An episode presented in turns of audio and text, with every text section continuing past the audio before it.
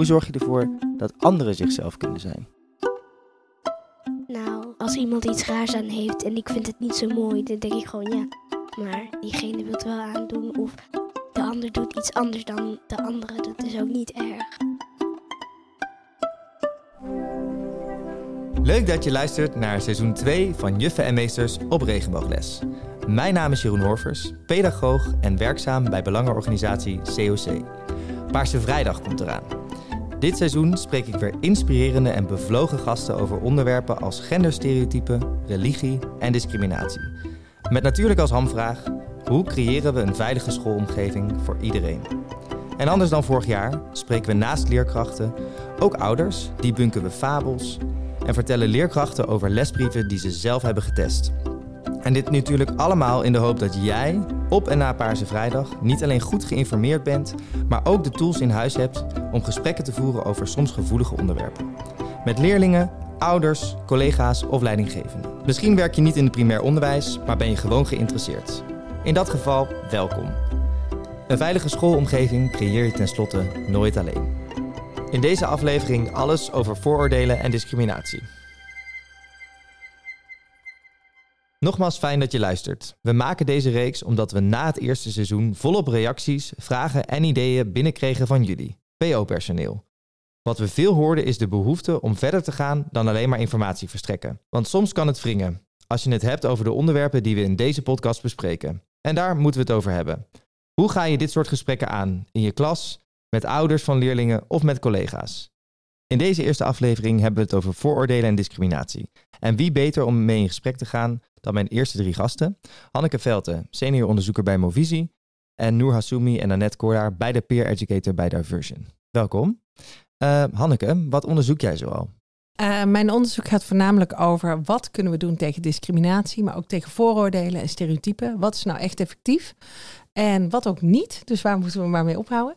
En wat moeten we dus ook gaan opstarten omdat we weten dat het echt werkt? Daar gaan we zo verder over hebben. Annette, Noor, ik ben heel erg benieuwd. Jullie zijn peer educator bij Gelijk is Gelijk. Um, kunnen jullie daar iets meer over vertellen, over het project? Ja, nou, Gelijk is Gelijk is een lesprogramma van uh, Diversion. Uh, met als doel om uh, voordelen en taboes te doorbreken met betrekking tot culturele, religieuze, etnische, seksuele en genderdiversiteit. Hele mond vol. ja, hele mond vol.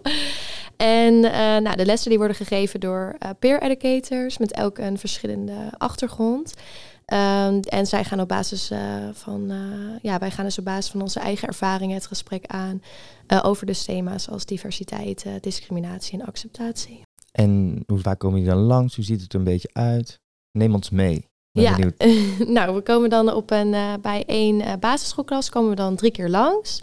Dus een, de lessen die zijn verdeeld over drie weken, waar we dan iedere week, drie weken achter elkaar, zeg maar, les komen geven bij dezelfde klas. Um, om op die manier ook een beetje een band te kunnen opbouwen met de klas. Um, dus ja, zo ziet dat er een beetje uit. Leuk. Noor je aanvullen? Ja, um, ja, en wij hebben dus allebei ervaringen met basisscholen, maar gelijk is gelijk kan ook op middelbare scholen en MBO. Daar hebben ze ook projecten opgericht, dus dat vind ik ook super tof. En ja, je staat dus met drie man voor de klas en ze zijn ook heel erg bewust van dat die drie mensen die voor de klas staan, dat daar ook sprake is van diversiteit. Dus uh, het liefst proberen ze ook zoveel mogelijk ja, te zorgen dat er zoveel mogelijk representatie is van diverse mensen met diverse identiteitsmarkeerders. En ik denk dat dat de kracht is ook van het programma. Dat ze ook echt letten op wie staat voor de klas en wie spreekt waarover. Dus ja. En even voor mijn beeld, drie peer educators, wie zijn dat dan bijvoorbeeld? Je zegt, we bespraken net over is met een moslimachtergrond, LBTI-achtergrond? Hoe, hoe ziet dat eruit? Ja, dat verschilt denk ik heel erg. Dus je hebt ook nooit dat je... Um, je hebt wel in de drie reeksen. Dus als je drie weken achter elkaar lesgeeft bij een bepaalde klas... dat je met dezelfde mensen meestal voor de klas staat. Maar elke keer dat je een reeks doet, kan dus met verschillende mensen zijn. Dus de combinaties verschillen elke keer. Um, maar het kan dus zijn dat ze bijvoorbeeld... Uh, non-binaire mensen voor de klas hebben staan. Of mensen met bepaalde seksuele geaardheid of een bepaalde etnische achtergrond. Dus het kan heel erg verschillen. Uh, soms overlapt het ook natuurlijk. Het is niet altijd dat iedereen van elkaar verschilt. Maar uh, ja, het is dus heel divers wat er uh, voor de klas kan staan, wie er voor de klas kan staan. Interessant. En ben ook erg benieuwd, wat is jullie beweegreden om dit te gaan doen? Want je kan bijvoorbeeld ook, hè, als je queer bent, kun je ook voorlichting gaan geven alleen over seksuele genderdiversiteit. Nu pak je eigenlijk vanuit verschillende perspectieven het mee. Waarom dan toch deze brede aanpak? Ja, ik vind zelf uh, inderdaad het juist uh, heel erg leuk en waardevol bij Gelijk is Gelijk dat het uh, zich richt op nou ja, verschillende gronden van discriminatie en juist diversiteit, diversiteit heel breed bespreekt. Um, ik denk voornamelijk ook omdat het denk ik niet altijd los van elkaar te zien is. zo kan je natuurlijk ook iemand hebben die zowel lesbisch is als christelijk bijvoorbeeld. En ik denk dat het dan heel mooi is om dan ook te kunnen bespreken van, goh, wat voor Um, met wat voor vooroordelen kan iemand te maken krijgen op basis van diegene's seksualiteit of religie. En soms kan je natuurlijk ook met specifieke vooroordelen te maken krijgen, omdat je dus uh, zowel lesbisch als christelijk uh, dus bijvoorbeeld bent. Dus ik denk dat het wel heel mooi is dat dat um, op die manier ook makkelijker bespreekbaar is binnen het programma. En ja, daarnaast vind ik het zelf ook mooi dat als je zelf natuurlijk graag vooroordelen wil doorbreken, omdat je zelf uh, niet gediscrimineerd wil worden op basis van jouw identiteit, um, is denk ik ook heel mooi dat je juist door zo'n breed programma je ook meer bewust wordt van de vooroordelen die jij misschien hebt over andere mensen. Mm. Zodat je ook voorkomt dat je uh, natuurlijk andere mensen misschien uh, onbedoeld uitsluit. Terwijl je dat zelf natuurlijk ook bij jezelf wil voorkomen. Dus dat die, ja, op die manier de reflectie een beetje beide kanten opgaat. Ja, en dat je ook niet alleen maar voor je eigen groep opkomt. Ja. ja. Mooi. Nou Hanneke, dat is heel erg de praktijk. Zij zijn elke keer voor de klas. Jij doet meer, uh, duikt de literatuur in. Wat weten we nou eigenlijk? Je hebt een rapport geschreven over vooroordelen verminderen op de basisschool. Um, wat weten we over vooroordelen? We hebben trouwens ook, we doen ook onderzoek in de praktijk. We hebben bijvoorbeeld ah. gelijk is gelijk uh, geëvalueerd. En, en, en dat doen we vaker op, bij scholen, maar bijvoorbeeld ook op de arbeidsmarkt. Maar we duiken zeker ook de literatuur in. Uh, en uh, ja, als het gaat over wat werkt om vooroordelen en stereotypen bij kinderen in die basisschoolleeftijd uh, te verminderen. Hè, en ook uiteindelijk die discriminatie verminderen. Hè, dan weten we dat het heel belangrijk is um, dat kinderen zich leren in te leven in mensen die niet direct op hun lijken of die ergens in verschillen van hen. Uh, dat kunnen kinderen al vanaf uh, vrij jonge leeftijd. Uh, dus al met drie, vier jaar kun je ze echt leren om zich in te leven in iemand. ook als die persoon niet op je lijkt. maar het is wel iets waar je aandacht aan moet besteden. dat gebeurt niet altijd vanzelf. En dat helpt natuurlijk ook al met voorlezen en zo om je te verplaatsen in de hoofdpersoon. Maar het helpt ook met vragen te stellen van hoe zou die persoon zich bijvoorbeeld voelen als je een boekje voorleest. En het is zeker iets wat bijvoorbeeld kinderen dus in groep 7 en 8 al heel goed kunnen. En we weten wanneer je meer gaat inleven in iemand die je in eerste instantie zag als anders, zeg maar, um, dan gaan jouw vooroordelen over die persoon uh, vaak verminderd worden, omdat, die, omdat je beeld van jezelf en het beeld van die ander die gaan eigenlijk een stukje overlappen. Dus die ander wordt minder anders. Die gaat meer eigenlijk op jezelf lijken. Je gaat meer ervaren dat je ook eigenlijk bijvoorbeeld uh, zelfde gevoelens over dingen hebt. En uh, je kan je bijvoorbeeld veel meer voorstellen hoe het voor die ander is. Dus die inleving is echt uh, heel erg belangrijk. Werkt ook bij volwassenen goed. Um, maar het werkt wat minder goed als je, wat, uh, als je van tevoren weet dat dat de bedoeling is. Want dan kunnen sommige, sommige mensen zich daar ook al tegen afzetten. Van uh, ja, daar ga ik niet naar kijken of uh, wat dan ook. Dat kunnen zowel kinderen als volwassenen hebben. En wat het mooie is, vind ik bij gelijk is gelijk, is dat het dus op meerdere vormen van discriminatie tegelijkertijd gaat. Waardoor. Um, ja, heel veel kinderen hebben soms wel iets met één van die vormen bijvoorbeeld. Hè, mhm. Omdat ze dat zelf hebben meegemaakt of gezien hebben. Of, of uh, iemand kennen uh, die dat meemaakt. En dan maakt het ook ja, uh, toegankelijker om ook bij de andere vormen van discriminatie stil te staan. En je ook in te leven in anderen. Ik heb het bijvoorbeeld wel eens gezien toen jij peer educator nog was voor uh, Gelijk is Gelijk, Jeroen. En ik weet nog, uh, die klas die uh, gaf in eerste instantie vrij veel negatieve meningen over LHBT aan. Ja, dan eh, druk ik het denk ik mild, mild uit. En nee, de klas was echt, uh, echt, echt wel negatief. Totdat Jeroen zijn ervaringsverhaal ging vertellen als LBT-persoon. Uh, en je kon echt een speld horen vallen in de klas. Ik zat achter in die klas te observeren om te kijken wat er gebeurde. En wat er gebeurde was, is dat die, dat die kinderen met open mond zaten te luisteren. En daarna allerlei vragen gingen stellen die, erop, die lieten zien dat ze zich hadden ingeleefd. Als, oh, maar hoe is het dan nu met je? En hoe gaat het nou? Hoe, hoe, hoe, ben je ermee omgegaan met je ouders? En wat zei ze toen? Als, ja, als ik zoiets zou zeggen tegen mijn ouders. Dus ze gingen zich echt al verplaatsen van, oh, hoe zou het dan voor mij zijn bijvoorbeeld? Dus er ontstond een heel mooi gesprek. En uh, het, contrast was groot, want er zat toen ook nog een stukje discussie in. En uh, dat is precies iets waar we vaak zien in de literatuur dat dat juist ook vaak niet goed werkt. Dus als je stellingen geeft, dan vraag je mensen eigenlijk om heel erg uh, een mening te vormen. Hmm. En dan lok je ook een mening uit als dus uh, ik vind homoseksualiteit verkeerd. Wie is er voor, wie is er tegen? Hè? Uh, alsof, um, alsof LBTIQ-personen een soort uh, interessant leuk vraagstuk zijn in plaats van mensen met gevoelens. En is dat dan ook meteen een tip aan leerkrachten? Want stellingen worden best wel vaak gebruikt. Ja, dat is meteen een gouden tip. doe dat niet. Doe, gebruik geen stellingen om waarmee je eigenlijk gaat discussiëren of een bepaalde groep mensen eigenlijk wel mag bestaan of ze gelijke rechten mogen hebben. Ethisch gezien is dat ook een beetje problematisch, zou ik uh, zeggen, zacht uh, uitgedrukt. Maar het, is ook, het werkt ook niet, want je, je, uh, je stimuleert meningvorming in plaats van dat je mensen tot, nader tot elkaar brengt. En inleving werkt dus vaak wel. En als je nou echt met stellingen wil werken, dan kan je ze doen door ze al een kant op te framen die jij, waar jij heen wil met je burgerschapsonderwijs. Namelijk dat we namelijk allemaal vredig en gezellig met elkaar samenleven. Dus dan kan je bijvoorbeeld stellingen, kiezingen als de beste oplossing tegen anti-homo schelden is dit en dit en dit. Nee, ik vind dat geen goede oplossing. Nee, ik zou beter dit doen. Ik vind het wel een goede oplossing. Ja, dus mooi. De, de, aan, de, de, de startpunt is al, discriminatie is niet oké, is verboden. Uh, wij willen met elkaar fijn samenleven en daar kun je de stellingen bij vinden. Maar ga niet de grondwet ter discussie stellen. Ga niet ter discussie stellen of, of mensen mensenrechten mogen hebben.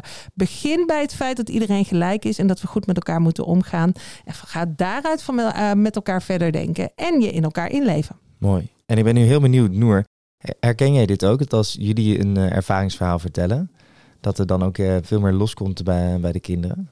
Ja, ja, zeker. En ik heb ook heel veel uh, dingen die je net hebt gezegd, dat daar herken ik me wel in, in het feit dat um, het helpt sowieso, denk ik, dat wij, zeg maar, voor mijn gevoel soms een fysieke ontkrachting zijn van bepaalde vooroordelen die kinderen over ons kunnen hebben. Want het is heel anders als je iets zou zeggen op sociale media of dat je iets van iemand denkt en het moet uitspreken met die persoon die voor jou staat. Dus ik denk dat daar al heel veel confrontatie plaatsvindt. En dat kan soms helpen, maar soms ook juist intimiderend zijn voor leerlingen. Dus dat is soms ingewikkeld, dat ik merk dat als ik dan spreek vanuit mijn eigen ervaring, um, mensen zich misschien ook sneller in je her gaan herkennen hoe je eruit ziet. Dat ze dan al sneller zich gaan profileren met jou. Dus daar eerst al een beetje um, ja, zich daarin herkennen. Maar zodra je je verhaal deelt, dan is het vaak inderdaad dat emotionele, dat inlevingsgebeuren, ehm, um, tendens bij kinderen, dat vindt zeker plaats. En ik denk dat dat een, punt, een heel mooi punt is om vanuit, uh, vanuit te beginnen, weet je wel. Van, uh, ik merk dat dit jou raakt bijvoorbeeld. Waarom raakt het jou? En het een beetje um, deconstrueren. Van, ja. Waarom is dat? Waarom voel je je En heel specifiek, uh, hoe gebruik jij jouw eigen verhaal uh, naar leerlingen toe? Um, ja, ik spreek vooral vanuit mijn biculturele kant. Dus um, ben zelf Tunesisch en Nederlands. En een tijdje tot mijn twaalfde in Tunesië gewoond en toen in Nederland gewoond. Dus ik heb ook beide, voor mijn gevoel, uh, beide culturen ervaren en beide, um, ja, maar het is natuurlijk, dat is ook tricky, want je spreekt natuurlijk van een bepaalde plek, maar dat betekent niet dat je voor die mensen kunt spreken. Dus ik kan niet vanuit gaan dat ik voor alle Tunesische mensen of alle Nederlandse mensen spreek, maar ik kan wel vanuit mijn eigen ervaring spreken. En dat is de kracht van het programma, is dat je ook je eigen verhaal vertelt en vertelt over um, jezelf als slachtoffer van discriminatie, maar ook als dader. En dat is voor mij ook vaak, voor mijn gevoel, een heel krachtig moment dat ik dan deel over voordelen die ik zelf kan hebben. Um, is dat je soms niet eens doorhebt. Dat je dan, het gebeurt zo snel in je brein soms dat je iets denkt. En dat je, daar kun je dan kritisch op zijn. Um, ik geloof altijd in dat je tweede gedachte vaak meer zegt iets over dan wie je bent dan de eerste gedachte. Omdat er, ja, het is in deze maatschappij eigenlijk heel logisch dat we soms iets in eerste instantie denken door media en heel veel dingen. Um, dus ja, dus dat, dat is. Sorry, ik dwaalde een beetje af van je vraag. Maar, uh, nee, volgens mij heb je heel erg mooi ja. naar voren gebracht hè, dat je je eigen identiteit meeneemt, meeneemt, de, meeneemt de klas in. Mm. Uh, en ik, uh, herken het inderdaad ook al. Hanneke noemde het al. Ik heb toevallig dus ook tien jaar lang peer educator geweest voor Gelijk is Gelijk. Tien jaar lang? Dat tien jaar lang. ja, echt wow. heel lang. en uh, dus zo mooi inderdaad wat jij zegt is dat je in les 2 inderdaad vertelt over iemand die vooroordelen of discriminatie over jou heeft gehad. En dat je in les 3 yep. vertelt over vooroordelen die je zelf hebt. En die kinderen zijn dan dus ook helemaal verrast oh, maar, huh, maar je hebt toch ook discriminatie of voordelen meegemaakt en dan doe je dat zelf. En dat is denk ik echt de kracht van het programma, dat het niet alleen maar is van oké, ik maak iets mee, nee, ik doe zo ook wel eens de ander wat aan. En dat is in een, ja, dat gebeurt gewoon, want we zijn mensen. Dus dat is, uh, die eerlijkheid is erg mooi. Hanneke, die inleving, dat is één ding. Zijn er nog andere do's Ja, de, uh, is eigenlijk wat ook in uh, Gelijk is Gelijk zit, maar wat ook wel in andere projecten, programma's, uh, lessen kan zitten, is zijn sociale normen. -hmm. um, uit onderzoek blijkt dat mensen vaak ook discrimineren, ook kinderen, omdat ze denken dat dat normaal is. Omdat ze denken dat iedereen dat doet. Hè? Dus iedereen doet gewoon mee met de rest, zeg maar. En um, dat blijkt nog van meer invloed te zijn van, dan wat je eigen vooroordelen en stereotypen zijn. dus mensen discrimineren ook niet altijd omdat ze dat echt zo vinden, maar omdat ze dat gewoon zien dat iedereen dat ook doet. Hè? Dus uh, denk bijvoorbeeld aan het schelden met het woord homo. Het is niet altijd dat daar een, uh, een uh, heel sterk anti-homo gevoel achter zit. Nee, dat, dat is gewoon te doen gebruikelijk. Maar je kan dus ook die sociale normen eigenlijk inzetten om discriminatie te verminderen. bij gelijk is gelijk is dat heel mooi, omdat je dus mensen, als je bijvoorbeeld een, een peer educator hebt die LBTIQ is, bijvoorbeeld, en één peer educator die Joods is en één peer educator die moslim is, die uitvoeringen heb ik bijvoorbeeld gezien.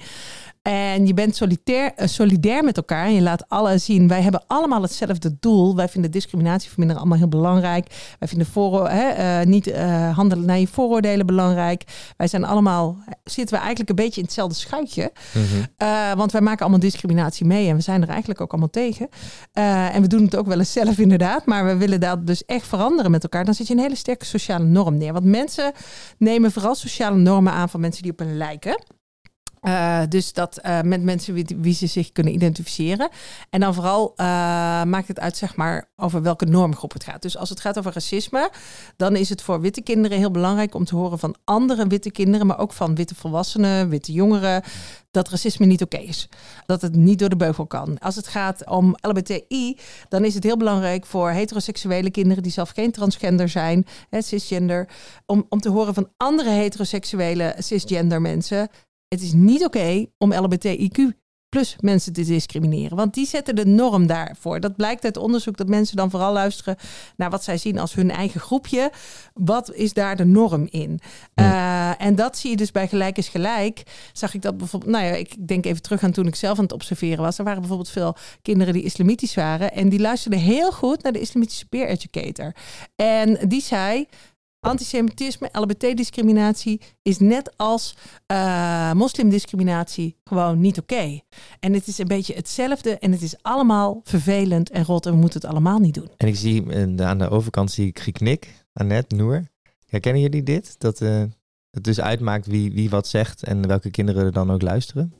Ja, ja, zeker wel. Ja, we hebben inderdaad ook wel um, uh, situaties gehad, bijvoorbeeld um, in de klas, dat uh, we merkten dat um, uh, werd een opmerking gemaakt over dat het ja, leerlingen het lastig vonden om te begrijpen dat iemand bijvoorbeeld en um, moslim is, zich identificeert als moslim, maar ook queer is. en er was er ook, toen keken ze ook vooral naar de peer educator die zelf ook aangaf dat ze moslim is van ja, maar dat kan toch niet? Um, dus daarin merkte je wel van dat ze toch wel een beetje uh, ook dat contact met uh, die peer educator vooral uh, zochten om daarover het gesprek aan te gaan. Um, nou ja, en dat is natuurlijk wel interessant om ook dat soort opvattingen op te halen met het programma en vervolgens daarover in gesprek te gaan van goh, wat voor ideeën en visies zitten daar nou achter, achter dat idee of achter die opmerking die je maakt en nou ja, daarbij proberen we gewoon het gesprek ja, wel zo open mogelijk te houden. Uh, in de zin van dat verschillende meningen en visies er in principe ook mogen zijn. Um, uh, en dat we die met elkaar willen bespreken. Uh, en daarin natuurlijk altijd wel een beetje de balans zoeken. dat als er ja, echt iets discriminerends of racistisch gezegd wordt. dat je daar natuurlijk wel ook de grens wil trekken om. Nou, dat het natuurlijk wel het doel is van het programma. Juist dat iedereen er, er kan en mag zijn. Ja. en ja. Wat leren leerkrachten hiervan? Want uh, nou, ik, weet, ik heb het dus ook meegemaakt. Je hoort hele bijzondere reacties en ze reageren als van wow, dit heeft zoveel impact. Wat, wat horen jullie nog meer terug? Als feedback van docenten bedoel ja. je? Um, ja, ik heb zelf nog niet echt ervaren dat ze echt dat we extensief in gesprek gingen met docenten. Wel een beetje feedback, dat ze vooral aan het einde van de lessenreeks zeiden van um, wat mooi, wat mooi om te zien. Vooral want in de laatste les krijg je dan echt reacties van de leerlingen ook. Dan vraag je hoe vonden jullie het? En dan krijg je meestal uh, feedback van de, van de kinderen. En um, heel vaak, wat heel mooi is, zijn de kinderen ook echt uh, heel erg uh, ja, blij met wat ze hebben geleerd. En um, ook gewoon heel veel, bijvoorbeeld bepaalde termen die ze dan hebben geleerd. En ik denk dat dat iets is dat docenten ook wel blij mee zijn. Dat ze ook um, niet alleen dingen hebben geleerd, maar ook gesproken hebben met mensen en gewoon eh, het gesprek zijn aangegaan met, met de leerlingen. Ik denk dat dat iets is dat docenten ook mogen meenemen. Dat het, je hoeft niet altijd afstand te nemen van bepaalde gesprekken aangaan. Het is natuurlijk soms misschien spannend, maar ik denk dat zeker ook kinderen een heel groot vermogen hebben om zich uit te drukken en dat dat niet onderschat moet worden. Ja. Dus uh, ik denk dat dat, uh, dat dat iets is dat ze misschien ook beseffen. Dat je ook echt wel mooie en diepe gesprekken kunt hebben met kinderen. Um, over heftige onderwerpen. Moet je natuurlijk ook bewust zijn van hun leeftijd. Maar ja. Ja, dat je dat niet uit de weg hoeft te gaan. Dat kinderen dat gewoon, Ja. gewoon aankunnen. Ja. Annette, heb jij nog... eh, Ja, nou, ik heb inderdaad wel eens eh, dan met docenten, eh, met leerkrachten naar de hand eh, van de lessen dan gesproken. En dat zij wel aangaven dat zij wel soms verrast waren ook wat ehm, eh, eh, leerlingen uit de klas zelf hadden gedeeld tijdens zo'n les. Dat zij toch wel merkten dat juist doordat de peer educators zich kwetsbaar opstellen en daarin ook nou, hun eigen persoonlijke ervaringen delen met vooroordelen en discriminatie. ehm, dat nou, er dan soms ook leerlingen zijn die eigen ervaringen vertellen. Ehm, en dat eh, ja, docenten daar soms wel eens verrast over waren dat dus ehm, ehm, nou ja, eh, zo'n les dus dat wel teweeg brengt. En dat, eh, dat leerlingen dus wel ja, meer comfortabel laat voelen om daar zelf ook meer open over te zijn. Ja, dus daar denk ik een tip aan leerkrachten om die kwetsbaarheid van zichzelf ook te laten zien. Want nu doen de peer educators, maar dat kunnen leerkrachten ook heel goed zelf doen. En dan komen de kinderen ook zelf met kwetsbaarheden. Hanneke, ik wil heel veel naar de don'ts. Wat moet je vooral niet doen? Ja, de verkeerde sociale norm stellen. Eh, dus eh, uiteraard niet eh, aangeven. Heel veel mensen discrimineren. Want als mensen horen dat heel veel mensen discrimineren, denken ze, oh, dan is kennelijk niet zo erg. Je moet juist laten zien dat er heel veel mensen tegen discriminatie zijn. Laat daar ook inspirerende historische figuren, et cetera, bij zien. Mooie rolmodellen die, van mensen die opkwamen tegen discriminatie. Wat je ook eh, niet moet doen, is stereotypen herhalen. Eh, Dat hoor je, dat klinkt als een open deur, want het is niet handig. Want hoe vaker je iets hoort, hoe beter je het onthoudt. Hè. Zeg tegen een kind: Oh, stop niet die, eh, je vingers daar in dat stopcontact aan de linkerkant. Nou, zeker weten wat er daarna gebeurt. Dus dat weet je eigenlijk wel. Maar toch zie je dat zodra het gaat over stereotypen, mensen de neiging hebben om eerst die stereotypen dan allemaal te gaan benoemen. En daarna dan te gaan uitleggen dat ze niet kloppen.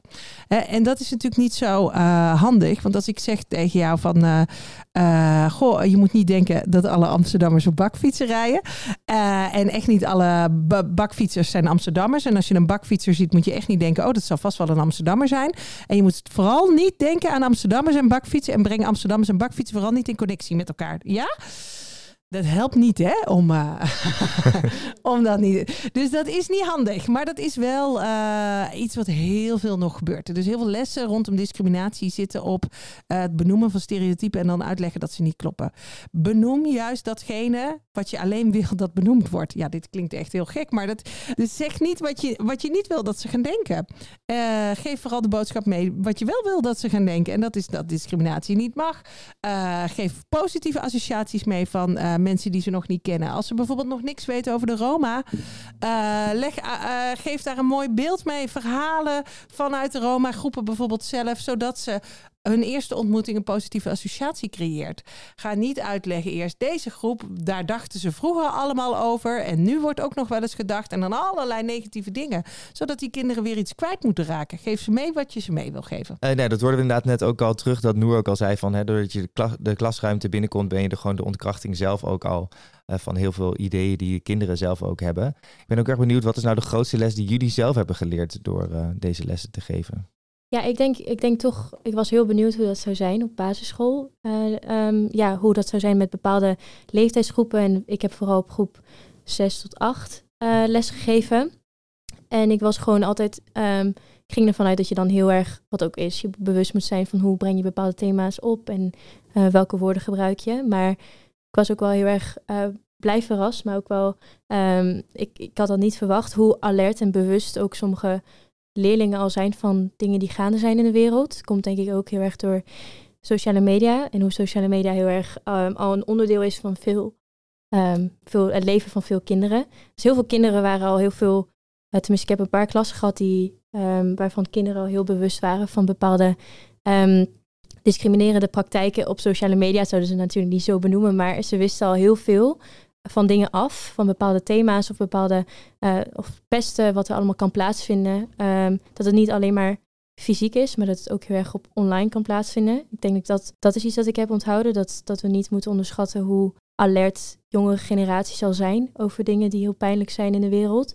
Uh, niet iedereen natuurlijk. Dankjewel. En dan net specifiek over jouw identiteit. Wat voor reacties heb je gehad de, waar je nou ook wel door verrast was door de, door de kinderen? Um, nou, ik heb wel eens gehad, nou, ik vertel dan voor de klas over uh, mijn seksualiteit, dat ik dan biseksueel ben.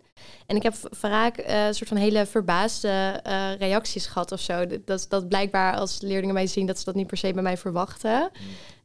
en dat ze dan zoiets hebben van, hè, nee, dat had ze dan helemaal niet zien aankomen bijvoorbeeld.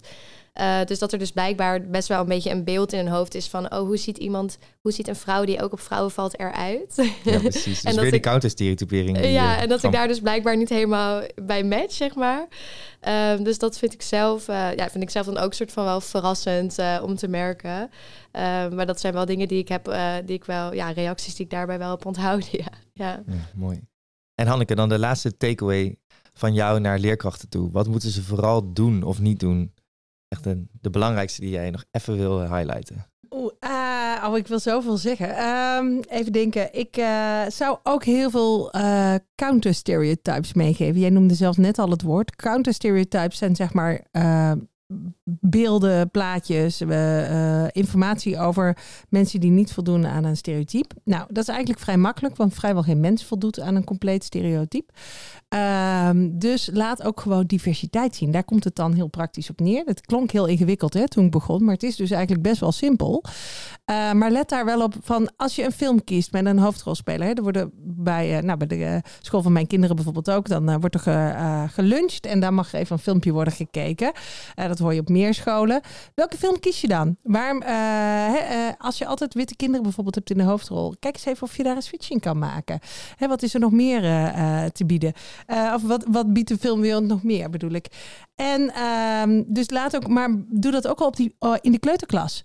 Uh, er zijn al boekjes. Uh, er is een hele leuke bijvoorbeeld over Viola die een krokodil wil met twee mama's. En daar gaat het verhaaltje niet over dat zij twee mama's heeft, want ze wil die krokodil. En dat is het spannende verhaal. Dit was echt het favoriet van mijn kinderen toen ze klein waren.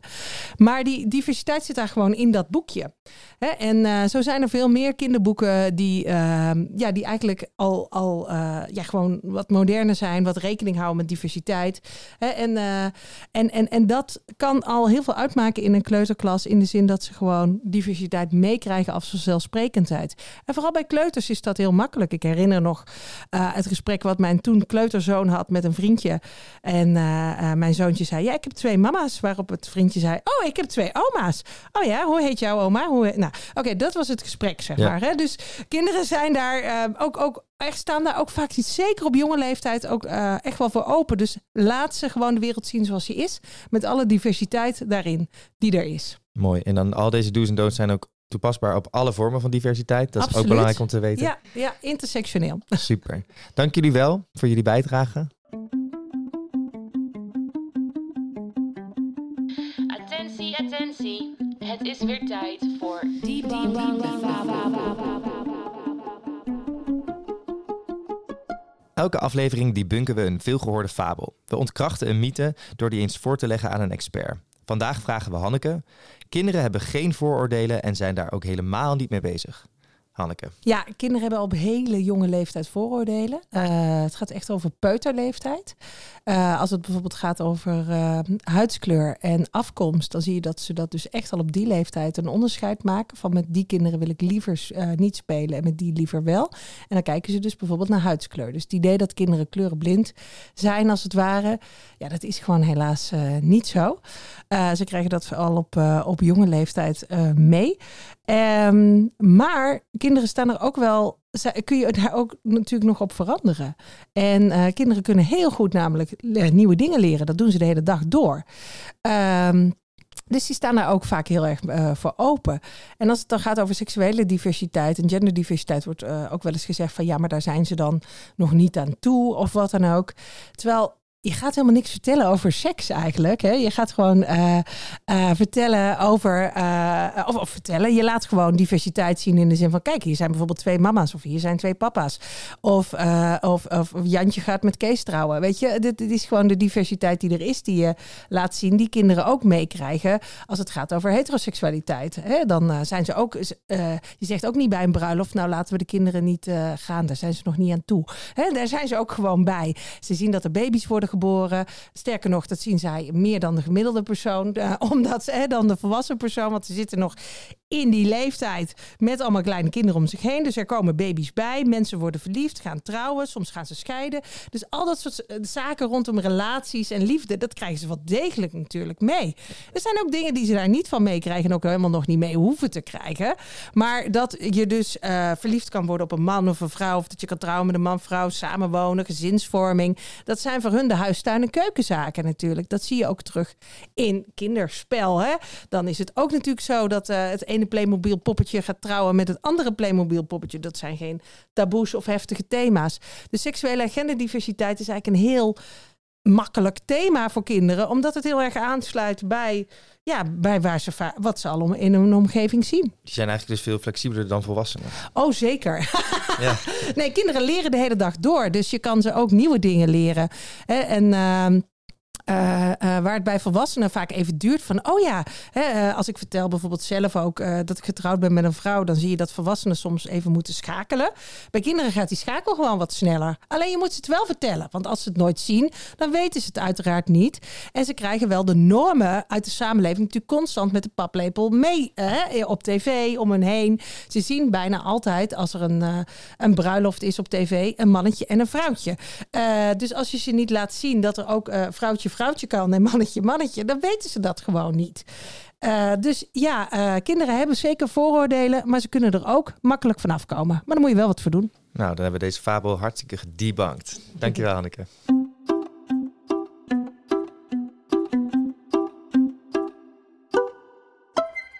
Iedere aflevering hebben we een leerkracht in de podcast die een Paarse Vrijdag lesbrief heeft getest. Uh, vandaag Rigoberta. Rigoberta, stel jezelf even voor. Waar kom je vandaan? Welke school? Ik ben Rigoberta, ik ben werkzaam op een basisschool in Utrecht. Ik werk daar als leescoördinator en ondersteuner. En ik heb een werkvorm uitgeprobeerd in groep 5. Oké, okay, leuk. Uh, heel benieuwd hoe het uh, is geweest. En uh, voordat we het over de lesbrief gaan hebben, ben ik ook gewoon even benieuwd. waar, wat is nou jouw beweegreden geweest om het basisonderwijs in te gaan? ik vind werken met kinderen heel erg fijn en ik vind het basisonderwijs ook echt de basis. Dus ik vind het heel erg belangrijk dat kinderen iets meekrijgen over het leven en ik daar, daar mijn steentje aan kan bijdragen. Tof.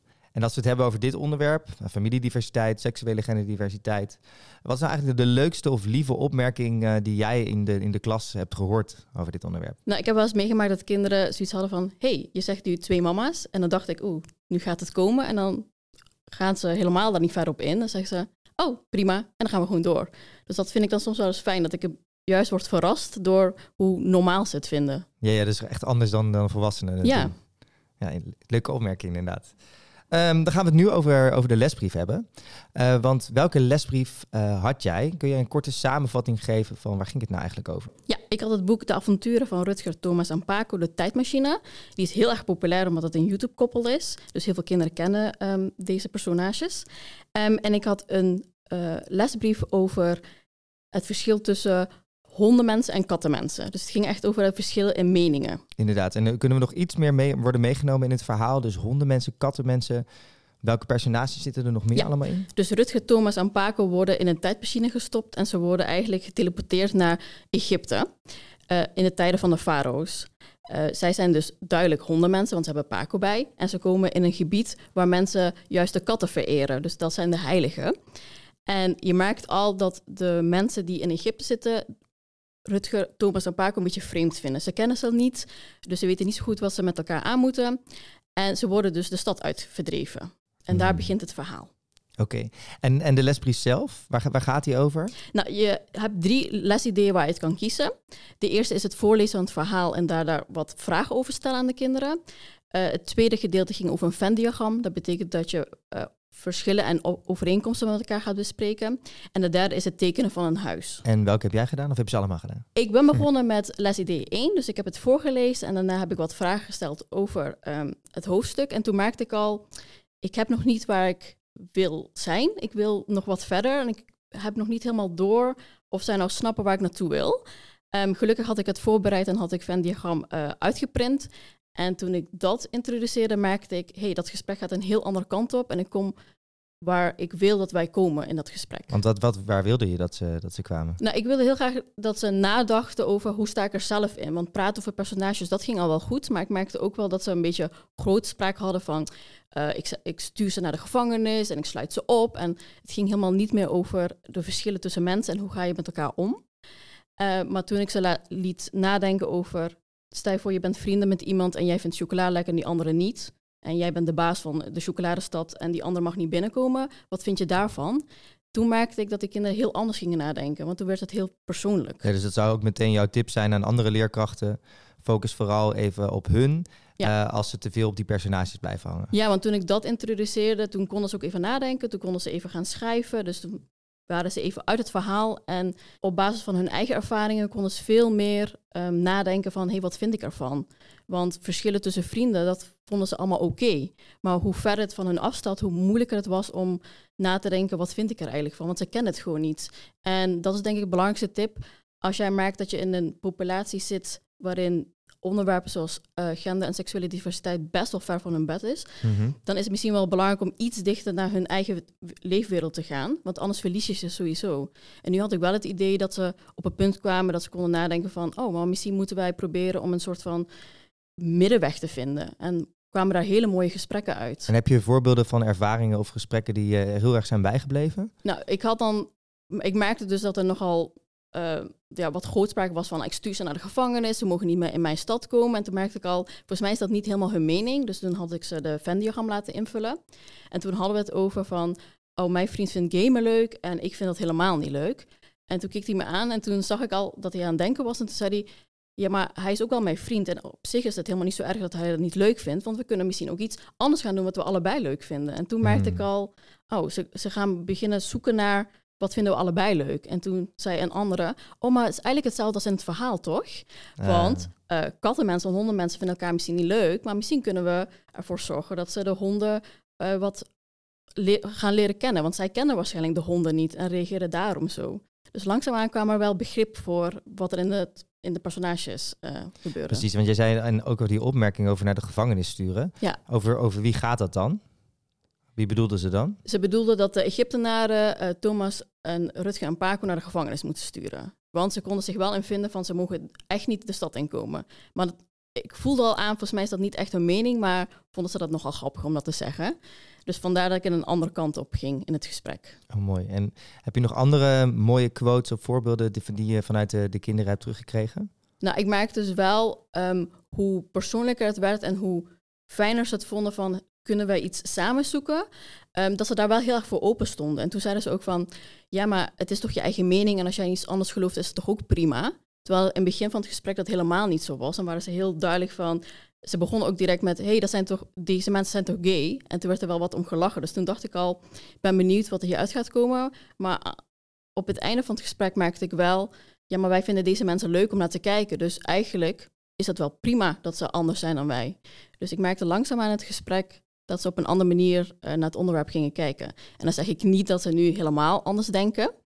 Maar Gewoon denk, kleine stapjes. de eerste stapjes zijn gezet. Ja, precies. Ja. En heb je nog tips voor, voor andere leerkrachten bij het voorlezen van boeken en eh, lesideeën die je daarbij gebruikt? Ja, ik merk ook bij mijn collega's dat het soms lastig is om bepaalde boeken eh, aan te bieden. Voor sommige mensen is dat ook dat ze zichzelf nogal wat ongemakkelijk voelen bij het thema, wat prima is. Maar dan zou mijn tip zijn om juist te gaan nadenken van welke boeken kan ik aanbieden, waarin bijvoorbeeld het niet heel expliciet aan bod komt, maar wel een, een draai aan kan worden gegeven. Bijvoorbeeld in dit boek is gender en seksuele diversiteit niet het hoofdmoot. Maar je kan er wel heel mooi gesprekken uithalen. Eh, ik ben zelf altijd heel erg van zoek boeken met ramen en spiegels. Dus eh, boeken waarin ze zichzelf kunnen herkennen of waar ze van iets van kunnen leren. Maar probeer dan ook te kijken ehm, dat je niet te ver van afwijkt. Dus pak iets wat zij wel heel goed kennen, wa- waar zij zich prettig in voelen. En probeer dan net dat stapje buiten hun comfortzone te gaan. Dat het voor jou niet ongemakkelijk is, maar ook niet voor de kinderen. Want ik denk dat we anders elkaar verliezen in het gesprek. En we willen juist in gesprek blijven met elkaar. Mooi. En dan één keer nog die ramen en spiegels. Ik ben wel benieuwd, wat betekent dat precies? Ja, dus ehm, boeken met spiegels dat zijn boeken waarin de kinderen zichzelf kunnen herkennen. Dat kan zijn in personages of in het onderwerp van het boek. En je hebt boeken met ramen. Dat zijn boeken waarin kinderen leren over een onderwerp waar zij minder bekend mee zijn. En ehm, dan heb je ook nog boeken die een beetje daartussen zitten. Uh, boeken die wel in hun leefwereld zitten, maar een uitstapje maken naar die wereld die nog net onbekend voor hen is. En dat soort boeken, denk ik dat je daar heel veel mee kan. Want je kan starten met dit is wat wij kennen en dan net dat stapje extra maken om te kijken van hé, hey, misschien kunnen ze net uh, aan het denken worden gezet. Ja, super interessant. Dankjewel voor al je tips. En uh, ik hoop dat uh, iedereen er veel aan gaat hebben met deze Paarse Vrijdag. Zeker. We zijn er elke week in aanloop naar Paarse Vrijdag. Je vindt ons in je favoriete podcast-app. Volg juffen en meesters op regenboogles om de volgende niet te missen. En natuurlijk versier de schoolpaars op 8 december. En laat zien dat iedereen zichzelf mag zijn. En dat niemand gepest of uitgesloten mag worden om wie die is. Bedankt voor het luisteren. Deze podcast werd geproduceerd door Crowdale voor COC Nederland. Soms voel je je verlegen en soms voel je je cool. Vandaag hou je van voetbal en volg je je gevoel.